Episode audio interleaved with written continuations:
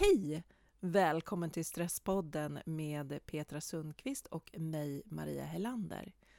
Idag ska vi äntligen prata om ett väldigt spännande ämne, nämligen kvinnors hälsa och hur vi blir påverkade av stress, framför allt i klimakteriet.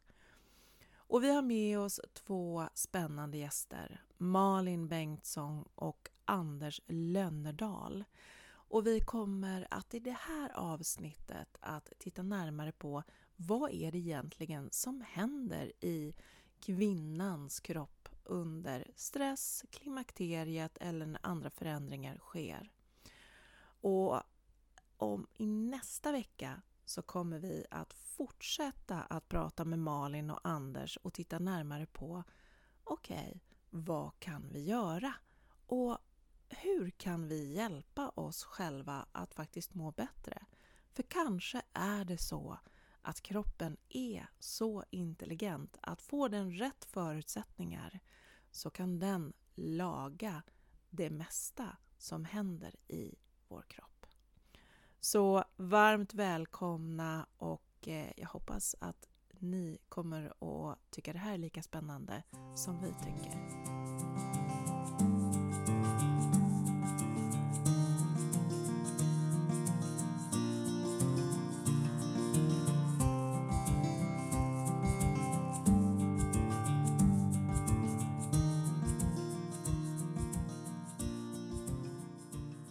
Ja, alltså jag blir så nyfiken på först och främst det här med kvinnors hälsa och hur jag upplever att vi är så sårbara på något sätt, sköra nästan, ur ett hälsoperspektiv. Att det är så lätt för oss att komma i obalans och må dåligt. Men så här kan det väl inte ha varit tänkt att vi ska vara?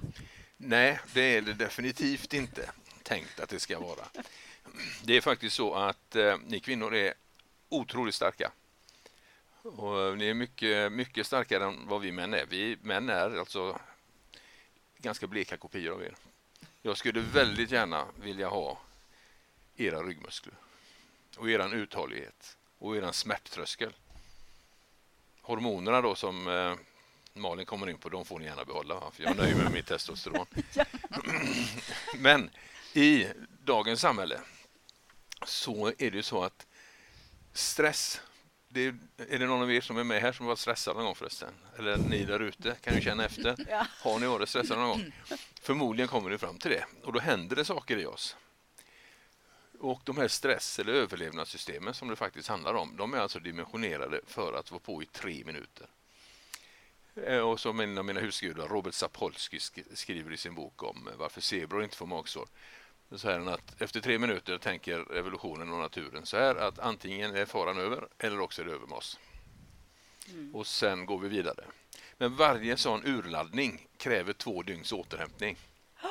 Två dygns återhämtning. Av tre minuters stress? Yes, för du ger allt där och ska överleva. Ligger du back, Petra? Det, man ligger, alla har ju, ligger vi inte alla back? Jo, vi gör det. Det, det är rött på kontona överallt och ja. konkursfärdiga och hela köret. Va? Mm.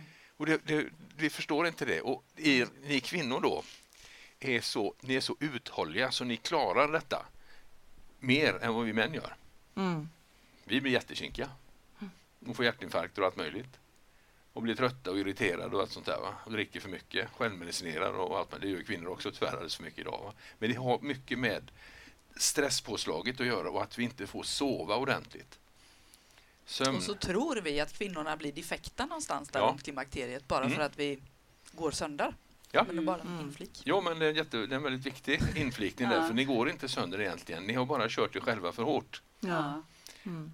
Och jag vet han med Sapolsky med de här zebrorna då, han, han säger att när det kommer ett lejon där så springer de för livet och sen helt plötsligt upptäcker de att nej, det var inte jag idag heller.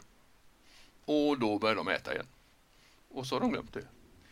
Och här kommer vi in på en intressant sak med skillnaden mellan män och kvinnor. För det skiljer faktiskt mer än eh, mellan benen på oss och könshormoner. Det är väldigt mycket mellan våra öron också. Och, eh, I hjärnbalken som förbinder höger och vänster hjärnhalva, där har ni kvinnor mer celler än vad män har. Och de flesta kvinnor känner ju till detta redan, att män tänker med en hjärnhalva i taget. Och ni tänker med bägge. Säger ingenting. Nej, vi bäst. Vilket gör att ni också blir mästare på att älta. vad kunde ha hänt? Och så snurrar det och så får ni inte stopp på det. Liksom. Medan vi män säger att nu släpper vi det och går vidare.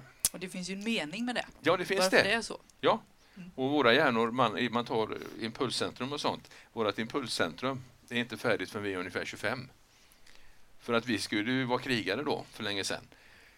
Och om det är det är fortfarande så att ungefär vid 15 års ålder så går man in i ett krigarkast. Har den. Då jagar man och man försvarar och hjälper till och sådana saker. Vid 25 ungefär så går man över och gör något annat. Och det gör också det att män ska egentligen inte ha körkort förrän vi är 25. För vi klarar inte det. Vi, vi tänker inte som att vad som kan hända. Ni, ni kvinnor är klara när ni är 17-18. Det är massa sådana där små saker som är er till nackdel i dagens samhälle med de kraven vi har idag och tempot är för högt och bristen på återhämtningen. Men får jag bara fråga då en sak. Ja. Är, är det här när vi pratar om män och kvinnor på gruppnivå? För jag tycker att det också kan bli ganska komplicerat för att vi, vi ser ju alltid att det finns skillnader på individuell nivå. Ändå. Absolut.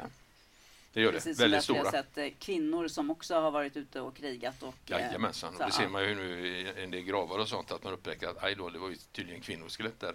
Mm. Mm. Så det har varit väldigt mycket mera tillsammans där ute man har löst problem tillsammans. Men jag hade lite kompisar bland Nordamerikas ursprungsbefolkningar förut och de eh, lärde mig mycket om livet och annat. Och de berättade just det att i deras samhällen, traditionella samhällen, så var det inte så noga vem som var far till barnet. Därför att barnet var framtiden, så alla tog hand om. Mm. Och en mm. gravid kvinna var i princip helig. Henne tog man hand om. Mm. Och om man tar eh, eh, hästar till exempel. Jag ska inte vitsa nu, för det skulle jag kunna göra.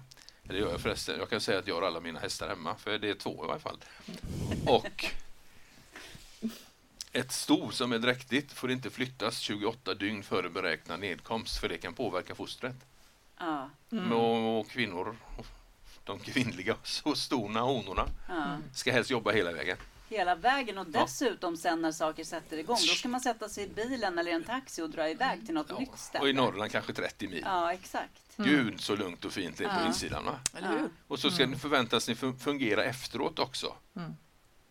Mm. Och sen är ni också då bedömda efter en manlig mall i väldigt, väldigt många år. Det börjar bli lite bättre.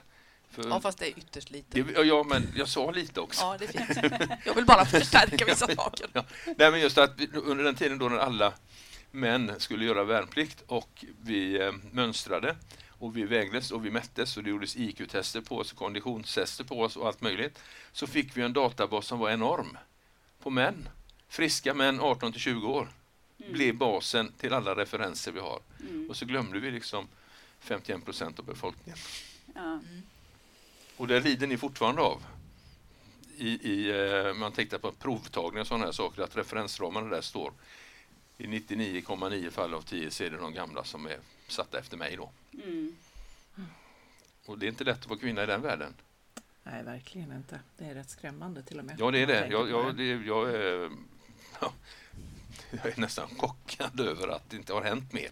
Ja. Och som du var inne på Malin, där, att när ni kommer in i den här ja, som enligt mina ursprungsbefolkningar och sånt faktiskt också är en, en del i en, det är en övergång. Det är en, den, man säger nästan en helig ålder, om man ska komma in lite på den biten. Så är det fel på er här. Ja, men vi bedöms ju som att vi går sönder för att ja. vi inte fixar samma höga tempo eller ja. att vi blir krångliga för att helt plötsligt blir vi deprimerade.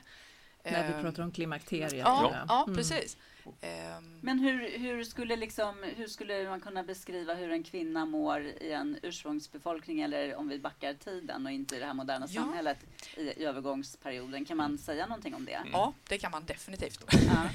Nej, men alltså det är ju inte meningen att vi under klimakteriet ska må skit.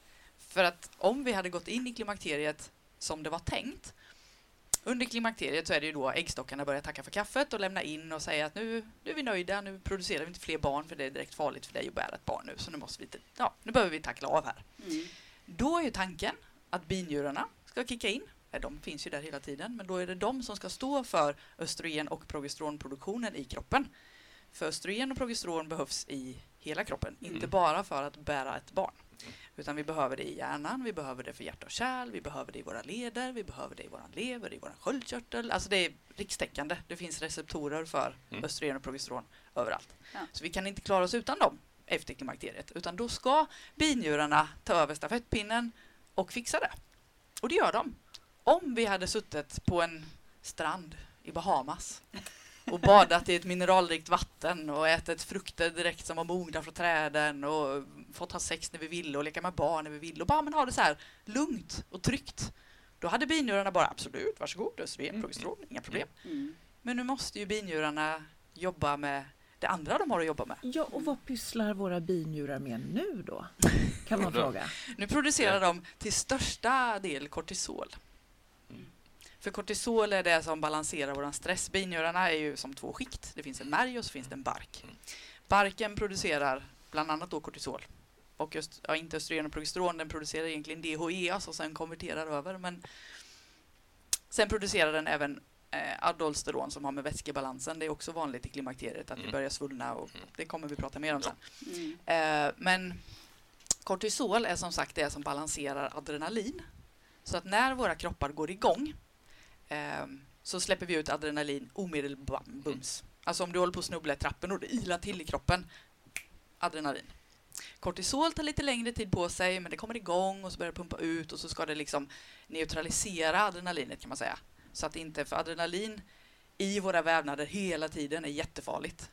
Vi blir tunnelseende, vi blir um, dumdristiga, vi blir mycket starkare än vad våra senor mm. och leder klarar av. Så det måste vi liksom plocka bort med tiden och det är det kortisol gör.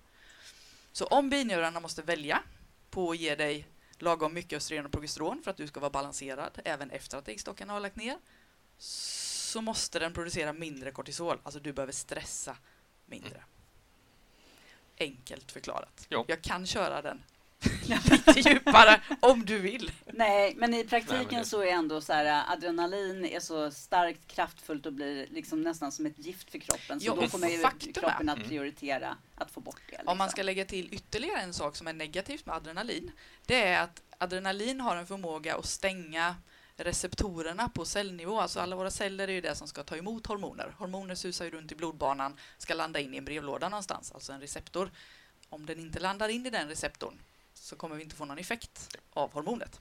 Eh, om det är som så att det susar runt mycket adrenalin, då stänger det alla de här mm. brevlådorna eller receptorerna, så då kommer inte östrogen och progesteron in i cellen. Och då har vi bara som susar runt i blodet och så måste levern ta hand om det och så ska det slängas ut och så blir det ja, mm. dubbelt dumt. Så adrenalin är inte bra för kvinnor. Det är bra korta perioder, vi behöver ladda ur, då behöver vi adrenalin också. Mm. Um, men vi, får vi det liggande pysandes hela tiden så kommer vi få binjurar som bara bryr sig om att producera kortisol. För det enda din kropp, alltså kroppen är ju en helhet och det enda den bryr sig om det är att du tar dig helskinnad genom livet. Mm. Och då är vi tillbaks lite till uh, din zebra där. Det här mm. är liksom i mm. tre mm. minuter, annars så har du dragit eller så har Ja, för problemet Punkt. blir ju då att när, när kroppen känner av, okej okay, vi producerar massa kortisol här för vi är tydligen väldigt stressade. Vad gör den då? Ja, men den stänger ner matsmältningen för den mm. tänker att när vi springer för livet ska vi inte äta lunch. Nej. Vi kan bli någons lunch. Mm. Uh, och det gör ju att vi får ett sämre näringsupptag. Det gör att vi får näringsbrist. Då funkar allting sämre. Men Visst det, låter det läckert? Eh, ja, och det här, det här, det här är ju, jag, jag måste säga att nu, nu, nästan, det är skönt att jag sitter ner för annars hade jag ramlat omkull. Alltså för att det, jag, det, den kunskapen som jag hade, tro, jag trodde ju att vi helt enkelt, men det är slut på, på våra könshormoner och därför måste man tillföra det, det enda sättet att du tillför det då. Men så kommer du här med den spännande nyheten att det är alltså... Att kroppen kan själv? Kan ja. själv. Vad är det meningen? Den är väldigt duktig att den ska på kunna själv. Ja. Jag är lite... Framförallt kan kvinnor själv. Män har en testosteronproduktion som sakta faller. Ja, och vi är ganska simpla varelser helt enkelt. Medan vi kan faktiskt styra. Det. Det, ja. Mm. Men det som är inne på det här med adrenalin, kortisol och så här, mm. det, det heter ju HPA-axel då. Och hypotalamus och, och hypofysen eller pituitary gland på, på engelska och så binjurarna, A som är adrenal. Och om jag säger bö till er som nu blir jätterädda så kickar det igång. Eller som du var inne på, halka en trappa. Vi måste förbereda oss omedelbart.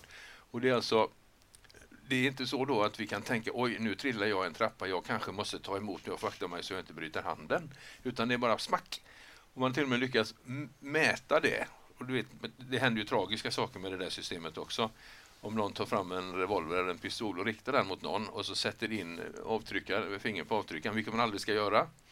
Jag har lärt mig det militära. Och så gör någon en plötslig handling, dunk, säger det då. För att den signalen agera är mycket snabbare än tanken, så känslan är snabbare än tanken. Och det är då, så kickar det och sen om det då fortsätter att springa, att känslan du stannar där i, så blir det precis som Malin säger. Det blir totalt rappakalja. Och det drabbar tyvärr er kvinnor hårdare än oss män. Ja, just på grund av att vi just, behöver ja. binjurarna till... Alltså mäns binjurar producerar också faktiskt ja, ja, både samma. alltså DHEA som konverterar ja, och så vidare. För det är inte bara vi som har östrogen och progesteron. Oh, men nej, vi nej. har mest. Ja, ja av en precis som att vi också har testosteron. Alla har ju oh, av alla liksom en Vi kom in på det då, så då sa du att det blir lite förändringar i vätskebalans och sådana mm. saker. De kommer osökt in då på nu får ni inte bli arga på mig bara för att nu tänker jag säga något som har irriterat mig i många år att eh, just det här med lymfsystem och sådana här saker, svullnad och så, dels, det, det är ju en kärringasjuka helt enkelt. För ni drabbas oftare av det. Ni har det känsligare system. Vi kan också drabbas av eh, lymfproblem, men då har vi ofta skadat oss av sekundära eh, lymfödemer. Då. Medan ni kvinnor har ett system som är mycket mer komplicerat. Ni har enligt en del till och med fler noder mm. på sina ställen. Och det är ju till underliv, bröst, handmåler och sådana saker. Då. Ja, men överallt där det kan komma in saker. Ja, det är ju viktigt att det finns ett försvar. Ja, det måste det. Och det, lymfsystemet är ju vårt immunförsvar. Precis. Det är där det sker. Och det börjar faktiskt i näsan, immunförsvaret. Man andas med näsan och följer med in i slemhinnor och sånt och så, så småningom ut i systemet. Sen är det ju också lite sådär att eh, det, det som har, det är med nya forskningsrön och sånt, det är så mycket spännande saker som händer just runt kvinnliga könshormoner, limakteriet till exempel och lymfsystemet. Därför att eh, det är lite slarvigt att säga att överskottsvätskan från blodet blir lymfvätska direkt. För det blir interstitialvätska först, alltså den som alla celler badar i. Och där, där alla receptorer finns. Brevlådorna. Brevlådorna sitter där. Mm. Och man upptäckte att det blev, blev fel i en av brevlådorna. Det var forskning från Japan. 2018 kom den och sen kom pandemi och sånt. Så att det, det, det stannar av lite nu men det är full fart igen.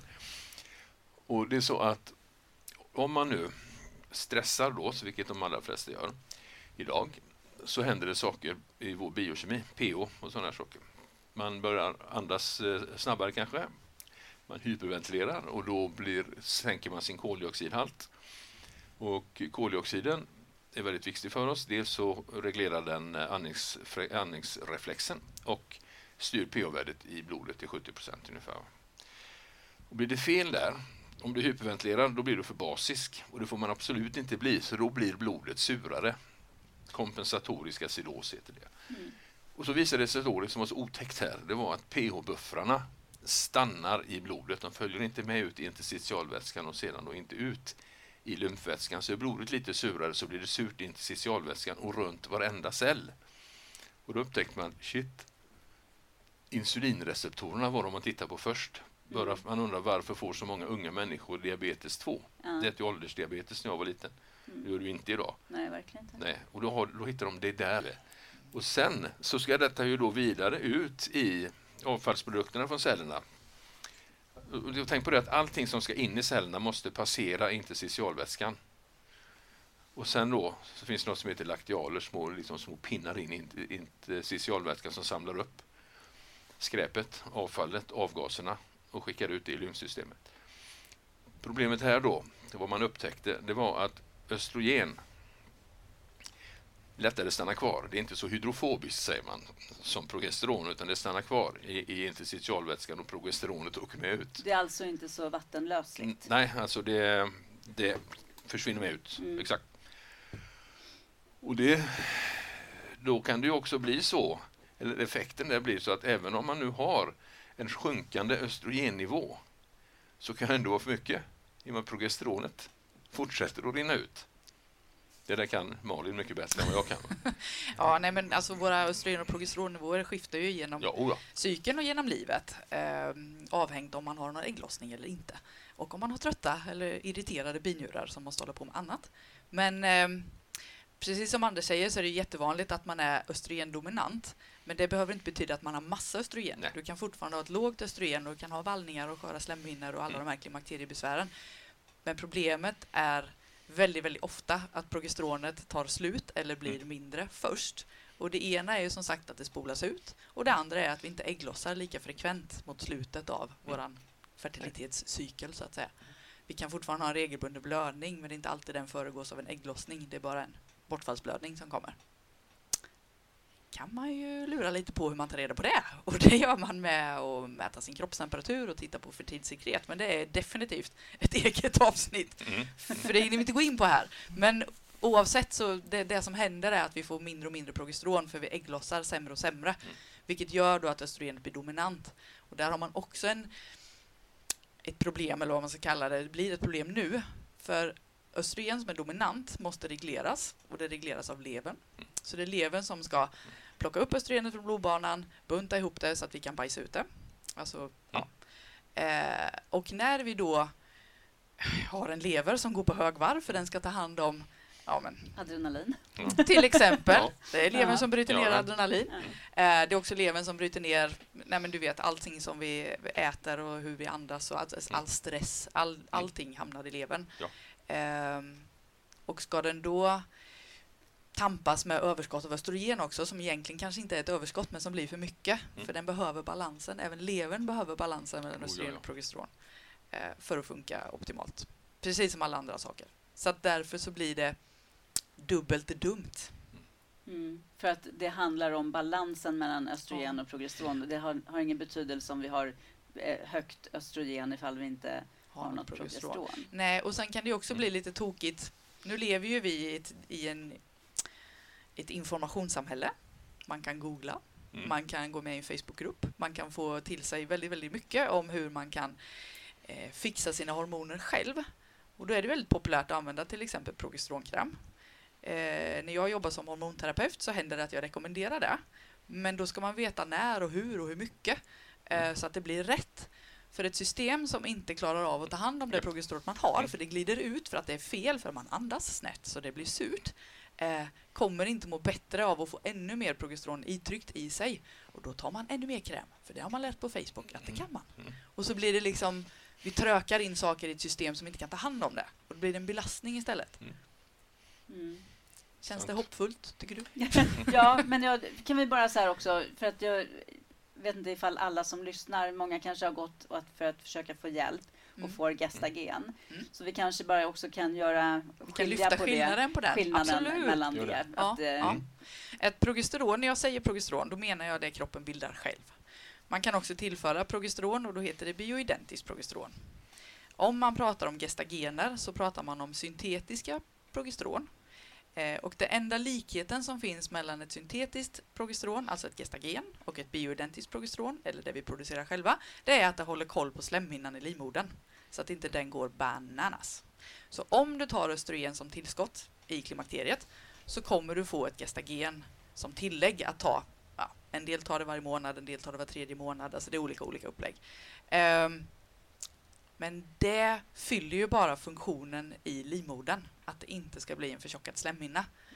Eh, alla andra funktioner som progesteron har för sköldkörteln, för hjärnan, för sömnen, för tarmen, för ja, men du vet, allt det andra får man inte av gestagen. Det är därför folk... Alltså, säg att du kommer in i klimakteriet och så får du vallningar. Och så kommer du till en gynekolog som säger ja, vallningar kan jag hjälpa dig med. Alla andra symptom inte, men vallningar kan jag hjälpa dig med. Jag skriver ut östrogen. Så lägger du in någonting i ett system som redan har lite östrogen, för det är därför du får en vallning. För en vallning betyder att östrogenet faller. Nu kommer jag vifta lite i luften och det är väldigt svårt att se på en podd. Mm. Men ja, östrogen i en frisk och fertil cykel går som en vid båge. Ett östrogen i en cykel som är på upphällningen går mer som ett EKG i den här bågen. Och varje gång det faller så kommer det en vallning. Det är det som gör att vi får en vallning. Så att lägga in mer östrogen i ett sådant system som redan uppenbarligen har östrogen, det kan balansera. En del mår jättebra och jag vill inte, är det någon som står på en östrogenbehandling och mår bra, fine, fortsätt med den. Då har du liksom landat in rätt hos dig. Men problemet är att du bara trycker in för mycket av ännu mer av ett hormon som levern ska ta hand om. Vi behöver balansen med det bioidentiska progesteronet för att komma hela vägen och för att inte få problem med andra system. Så här, apropå att kroppen är inte bara ett hormonsystem, det är ju massa andra grejer med.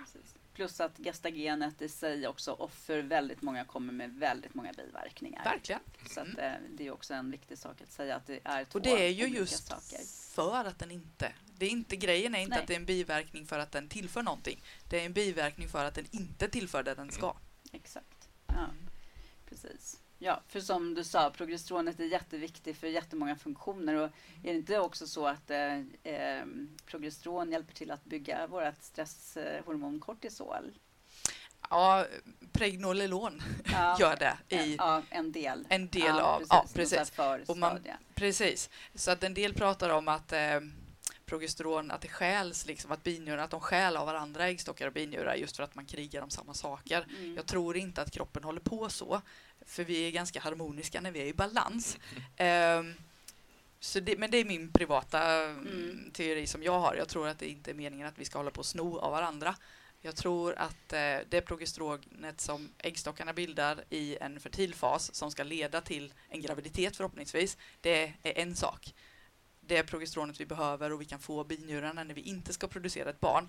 Det, är, det gör samma saker i kroppen men i olika mängd. Alltså det vi producerar, framförallt om vi blir gravida, det är ju skyhöga nivåer. Eh, det, dit kommer ju aldrig binjurarna att komma. Nej. Utan de jobbar lite olika. Men visst, ju mer vi stressar desto mindre tid finns mm. att göra progesteron från binjurarna. Så mm. man kan ju säga att det skäl på det sättet, på det sättet då, ja. även mm. om de inte snor av varandra. Nej, precis. Nej, men eh, en långvarig stress kommer ju stjäla jättemycket från kroppen överhuvudtaget. Ja, för då kommer vi återigen in på det här med näringen. Vi ja. kan inte ta hand om näring när vi stressar, för det är inte meningen. Nej. Mm. Nej. Om vi pratar lite mer där om eh, lymfsystemet och mm. eh, vad som händer då. Både i klimakteriet verkar det ju, i alla fall ifall man tittar runt omkring sig, som att det är väldigt många som får problem med just lymfsystemet. Mm, ja. Är det en vanlig period när det... Ja, det är det. Det, är, det har jag märkt genom åren faktiskt. Eh, jag, jag måste ju bikta mig och, och, säga då att jag trodde också att många kvinnor var bara feta och lata. Tills jag upptäckte att nej, det är de inte. De har redan köpt träningsskor och ätit bättre. Och de berättade för mig också det att jag tränar och så blir jag ännu större. För att det är ju muskelrörelser som om man skapar överskottsvätska från blodet och så cirkulerar det inte ut. Men nu kan man också se det i, eh, det börjar vid hormonsvängningar i kvinnokroppen. Alltså pubertet, graviditet och klimakteriet. Och om jag får flika in ja, bara en grej där, mm. så är ju östrogen någonting som binder vätska i kroppen, medan mm. progesteron är någonting som gör att vi släpper ut vätska. Mm. Så i en normal cykel så kan vi kanske märka några kilo hit och dit ja. under tiden vi är fertila, mm. men i klimakteriet så blir det ju inget progesteron. Då blir det bara östrogen, så då mm. samlar vi och samlar vi och samlar vi vätska. Mm. Där, där, därav kommer alltså det, jag brukar skoja där, när jag föreläser och sånt där och säga på ungefär dagens bibelord och vårt stora mantra är cirkulation. Det måste cirkulera. Och när cirkulerar det då? När vi rör på oss. Och hur många hjärtan har vi? Brukar jag fråga. Och då sitter en del och skakar huvudet och tänker det där måste vara en kuggfråga. Så säger någon ett. Ja, nästan rätt, säger jag. Men vi har ett par hjälphjärtan och de sitter i vaderna. Mm. Våra venpumpar. Och när pumpar de då? Jo, när vi rör på oss. Och sitter vi ner så blockerar vi de stora klustren av noderna i knäna, ljumskarna. Vi har en liten påse ungefär fyra fingrar ovanför naveln som heter cisterna kyli. All lymfvätska är från underlivet, underkroppen, hela mag-tarmkanalen och levern ska in innan det ska tömmas på vänster sida i ja, kanalen in, mm. in i blodbanan igen. Och det, vi, gör, vi gör så mycket nu faktiskt för att ja, krångla till det för ett, väl, för ett fungerande cirkulationssystem. Vi är inte skapta för den världen vi lever i. Vi är inte skapta för att sitta och sträcktitta på Netflix och sånt. Vi ska ut och gå. Och när man går så rör man, eller tänkt att vet du, fotvalvet ska pumpa upp och ner, vilket hjälper venpumparna. Så har ni kvinnor har en fantastisk extra diafragma. Vi har den också, men den är inte lika komplicerad som er. Bäckenbotten. Mm. Bäckenbotten och diafragman hänger ihop via psoasmuskeln. Och då kan de pumpa och göra det väldigt effektivt. Men så sitter man och så kör man fram huvudet, i sin, tittar i telefonen och sånt och så åker huvudet fram och så börjar vi svanka och så tappar vi den kontakten. Och så tappar vi en fantastisk pumprörelse. Mm. Och så når vi inte den här cisterna kyl och så börjar vi svullna. Så att det, det är mängder av sådana här saker. Och där, man kan säga så här också att eh, ja, hjärt, blodcirkulationen har ju en inbyggd pump som pumpar in till tidens ände. Men lymfan får vi se till att cirkulera själv. Precis, vi har ett ansvar liksom där. Ja, det är, ja, det är som ett hydraulsystem. Tryck och sug, tryck och sug, tryck och sug. Så, här. så, så här pacemaker på vaderna. Ja. Och sen kanske då, alltså om man tittar på andning och sånt, det är ju diafragman då som är den primära andningsmuskeln. Och den hjälper till att tömma den här cisternen kylig. Men eh, som jag sa förut, om eh, jag säger bör så alla blir rädda så åker axlarna upp. Och så spänner vi oss och det, det ska vara så då. Men så behöver vi andas bakvänt kanske och då eh, överlast, vi en muskel som heter pectoralis minor som inte är till, tänkt att, att den ska lyfta bröstkorg. Blir den kort och så åker axlarna fram och så blockerar vi inloppen här. Och ni har ju lite mycket noder och sånt, lite speciellt flöde i armhålor runt bröst och sådana saker. Då. Det, ni kommer inte ens i närheten av ert där, så det blir, det blir sämre för er helt enkelt. Då kommer inte vätskan ut, släpps den inte in här och vi kissar ut den, så samlar vi ju den. Mm. Och det är, jag är väldigt så orolig över detta, att det går så långt ner i åldrar idag. Det och hormonobalanser ja, ja, går den, den, Det är ju legio där, alltså ja. det är hur mycket, det, ja, du, du, kan ju räkna med det. Nu sen jag började prata med, lite mer med Malin så har jag också sett hmm. mm. Och då kommer, man kan ju komma in en, en liten snabb också då på lipödem, ett, ett fettödem. Och de kvinnorna är väldigt ofta svårt eh, missförstådda. Och eh, ja, ofta många har genomgått gastric bypass och sånt, men det är ju faktiskt ett fettödem och det är också knutet då till östrogendominans. Mm. Jo, men ja. lite mm. det. Jag menar, hela vården är ja. väl helt missförstådd med det och vet mm. inte egentligen vad det handlar om. Nej, och det är det som blir så tokigt när de ja. här kvinnorna kommer då med sina klimakteriebesvär som mm. grädde på moset och får ännu mer östrogen och så helt plötsligt så bara boom, säger jag. Mm. Så liksom, det bara exploderar. Det kan gå otroligt fort. Jag har varit med om några klienter där. Mm. Och det, det, allt det här som vi nu har pratat om så känner man ju att mycket, mycket, mycket liksom kommer ner till hur vi lever idag och att det handlar om stress. Och nu har vi pratat väldigt mycket runt omkring vad som kan hända, vad det är som händer och vi får förklaringar. Och nu ska vi göra faktiskt en liten cliffhanger här och titta mer på lösningar. Mm. Och det kommer vi att göra i nästa veckas program. Låter yes. utmärkt. Mm. Absolut. Så, tack så mycket för eh, den här gången och för er medverkan och så på återhörande i nästa vecka.